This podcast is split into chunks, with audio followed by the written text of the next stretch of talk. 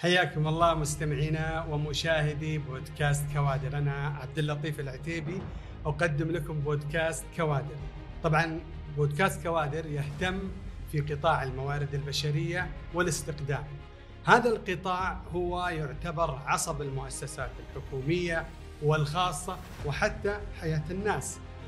الموارد البشرية ذات أهمية كبيرة جدا وراح نتحدث حتى عن مستقبل الموارد البشرية والاستقدام. اليوم سنناقش موضوع يمس شريحة كبيرة في المجتمع السعودي وهو موضوع الاحتيالات المالية الإلكترونية وانتحال الكيانات التجارية مع ضيفنا مهند الكلش. بالإضافة راح نناقش ونطرح على ضيفنا عدة محاور وأسئلة منها ما هي الاحتيالات المالية؟ مثلا ما هي أنواعها؟ كيف تتم؟ كيف حنا نتفادى هذه الاحتيالات ولا نقع فيها؟ بداية نرحب بالأستاذ مهند الكلش المختص بالتوعية في الأمن السبراني. حياك الله أبو طلال. الله يحييك وشاكر لك الدعوة الكريمة. وإن شاء الله نقدر نفيد المستمعين أو المشاهدين بمواد توعوية مفيدة إن شاء الله. آه، أستاذ مهند حنا في الفترة الأخيرة نشوف احتيالات مالية بشكل كبير وقصص وأمثلة موجودة آه، بل البعض يعني حساباته آه، سحب منها مبالغ كبيرة. في البداية وش الاحتيالات المالية؟ طبعا الاحتيالات المالية يعني حنا في عصر التحول الرقمي وكل ما زاد اعتمادنا على التقنية كل ما راح تزيد الاحتيالات المالية الرقمية. هذا يعني حط تحتها مليون خط. اليوم أو يمكن في الزمن القريب كان لما تحط فلوسك في البنك كانت تعتبر زي فلوس فعلية موجودة في البنك ويتم استثمارها أو يتم التعامل فيها من خلال التعاملات الورقية أو ما شابه. اليوم مع الاعتماد على التقنية صار كل شيء موجود اونلاين. فمعنى اليوم لو عندك في حسابك مثلا ألف ريال هو رقم في البنك أو رصيد في البنك. مو معنى إنه في ألف ريال محطوطة على جنب جوا البنك ومخبينها على أساس إن هذه حقت عبد اللطيف أو حقت مهند أو حقت أحمد. اليوم تخيل أنت عندك مثلا مليار أو مليون أو مئة مليون مهما كبر الرقم أو صغر هو يعتبر رقم جوا قاعدة بيانات في البنك. هذا اليوم في العالم الرقمي. لما نيجي نتكلم اليوم عن الاحتيالات الرقمية طبعا كثرت لأنه صارت التعاملات أكثر أونلاين. فالتحولات الرقمية من خلال كل البرامج اللي هي تعتبر في ال fintech اللي هي خلينا نسميها إكس إكس بي بغض النظر الشركة. اليوم صارت تحويلات مباشرة وفي التحويلات اللي هي عن طريق البنوك اللي ما زالت. كل يوم قاعد يصير في احتيالات مالية بأرقام مرعبة. تخيل تخيل اليوم وصلت في 2022 نسبة الاحتيالات المالية حول العالم حوالي 6 تريليون دولار. اوه رقم كبير. طبعا. طبعا جدا. لما تيجي تتكلم هذا اليوم إحنا اعتمادنا قاعد يكثر ويزيد. ال ال كل الأرصدة أو كل الأشياء اللي صارت طبعا لما نقول إحنا تم في احتيال مالية بس عشان المشاهد أو المستمع آه، يكون واضح له الكلام الستة تريليون ما اختفت. بس تغيرت مساراتها. إيه انتقلت من مر... من من أشخاص إلى أشخاص. بالضبط. أو من حسابات إلى حسابات أو من حسابات. إلى حسابات. بالضبط بالضبط. هذا اللي حصل. فمو معنى إنه في احتيال رقمي يعني الفلوس تختفي لا الفلوس تروح لأماكن ثانية أو بطريقة ثانية. اليوم آه، قاعدين نتكلم حنا آه، في احتيالات أو في آه، أحداث كبيرة صارت في الموضوع هذا. ويمكن بعطيك برضو مثال الحين عن أكبر يمكن احتيال صار على مستوى العالم آه، خلال الأربع سنين الماضية. لكن الاحتيال الرقمي بشكل بسيط جدا هو عملية احتيالية بهدف جمع مال بطريقة غير شرعية.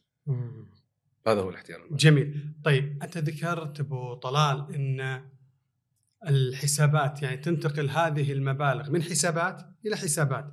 طيب في أبرز أنواع الاحتيالات؟ وش أبرز أنواعها؟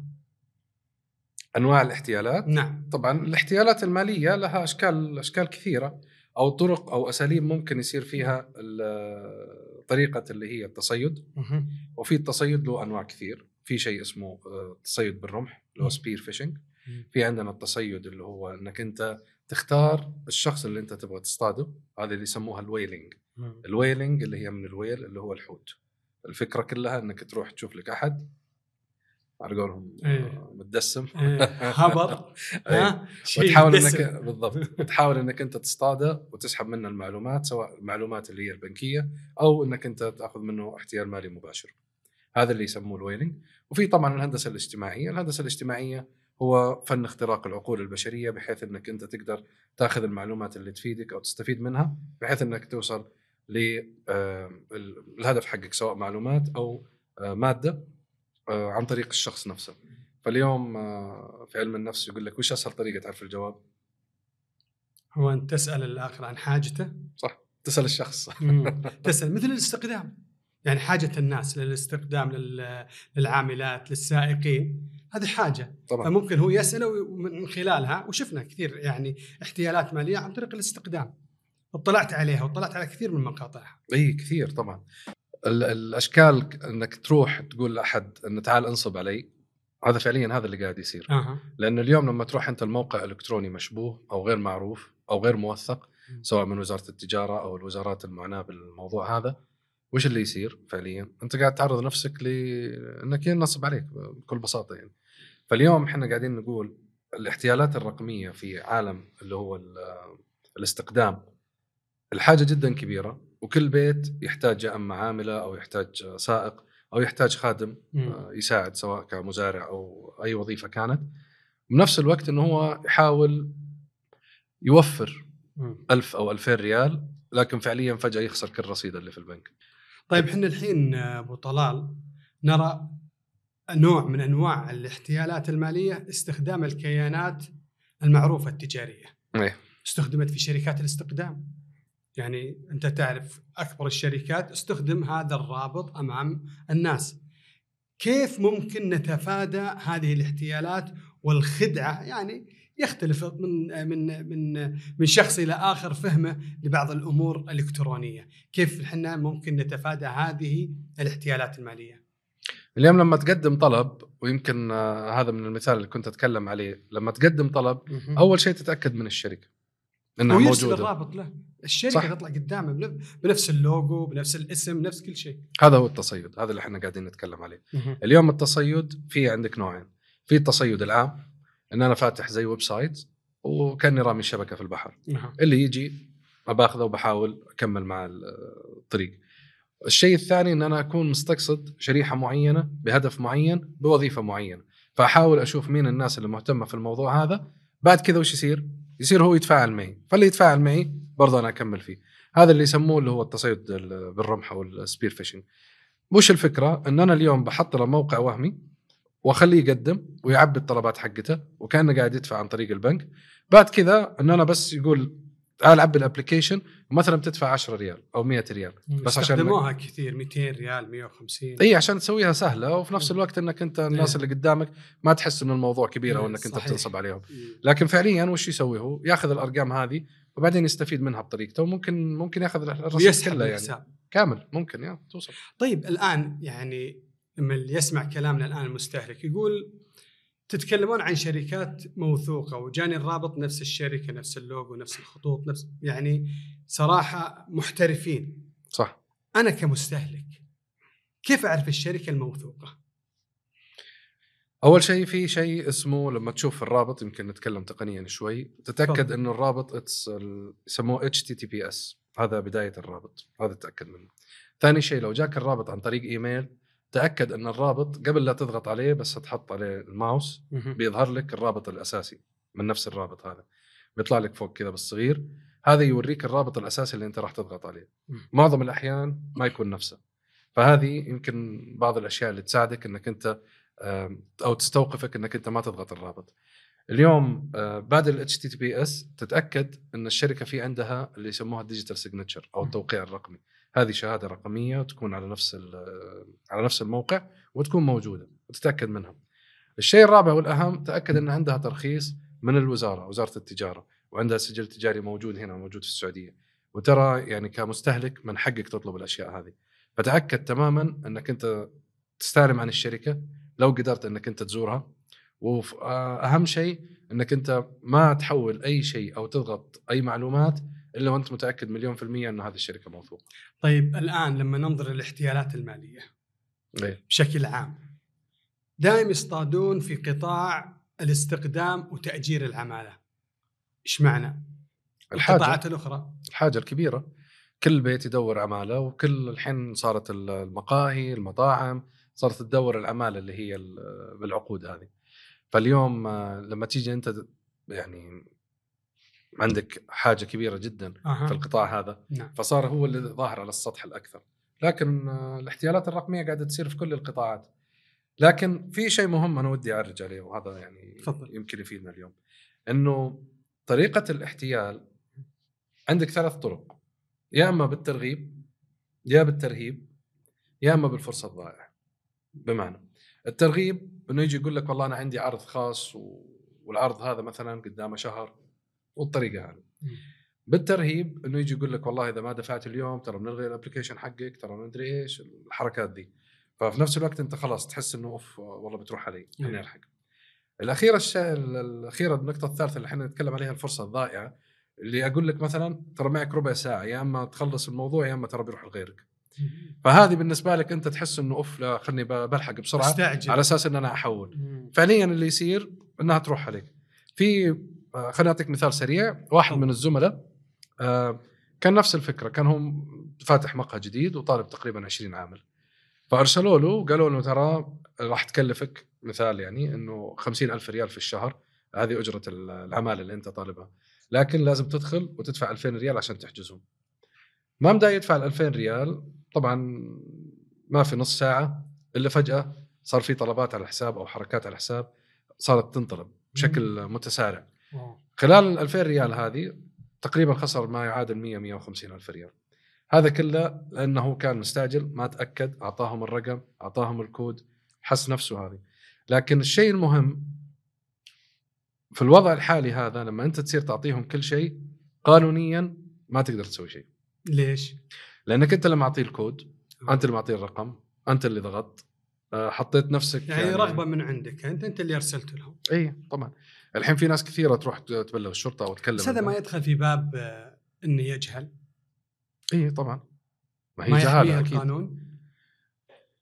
والله لا. طبعا لا. لما أنت لأنه اليوم في القانون إذا أنت أعطيته الرقم وبعدين أعطيته الكود أو رقم الحساب حقك نعم الايبان معروف. بعدين أعطيته الكود اللي يجيك. أنت كذا خلاص سلمته ال- الباب والمفتاح على قولهم. فاللي اللي يحصل حتى لو كلمت البنك اللي يصير ما البنك ما يقدر يساعدك. لأنه حتى يعني في بعض البنوك ما صارت تستقبل الطلبات هذه. ليش؟ لأن أول ما ي... بيسألك بيقول لك أنت أعطيت الكود يقول لك إيه؟ يقول له شكرا لك. خلاص انتهينا.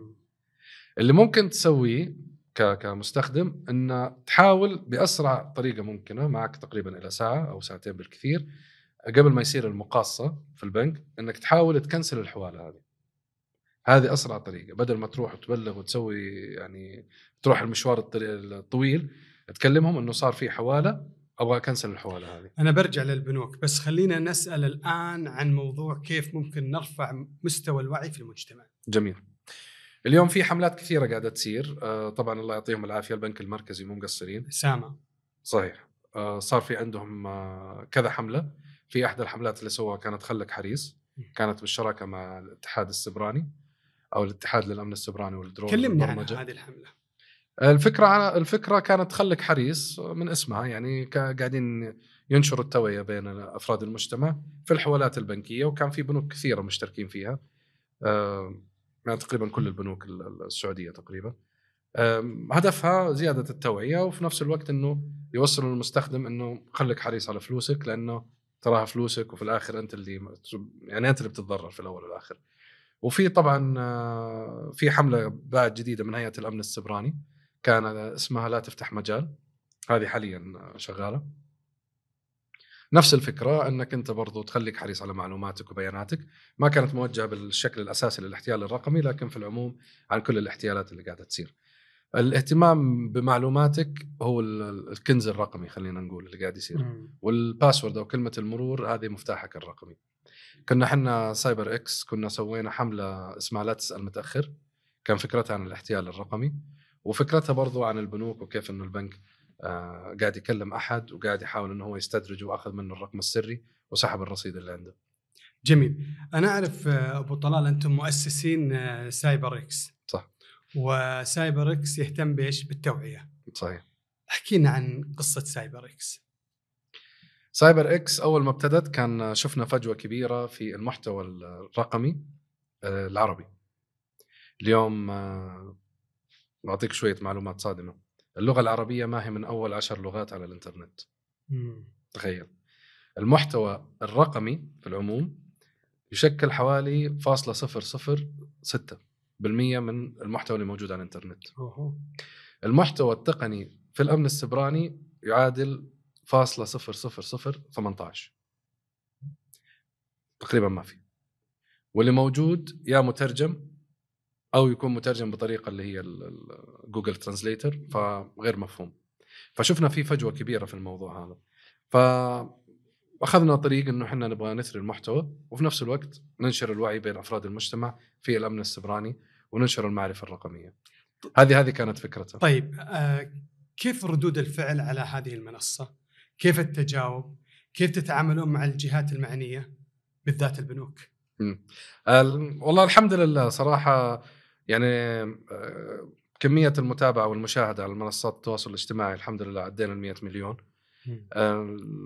تكرمنا من كذا جهة الحمد لله يمكن تم تشريف وتكريمه برضه في ابو ظبي في 2022 بدايتها على الجهود حقت المحتوى العربي الحمد لله يعني ماشيين مرة كويس. طيب. الحين العلاقات مع ال- مع الجهات. مع الجهات. إيه. قاعدين نزود الجهات بالمحتوى بالمحتوى العربي وفي نفس الوقت إنه كيف النصائح تكون بسيطة وسريعة وتقدر توصل للمستخدم بشكل غير ممل أو تقني بزيادة.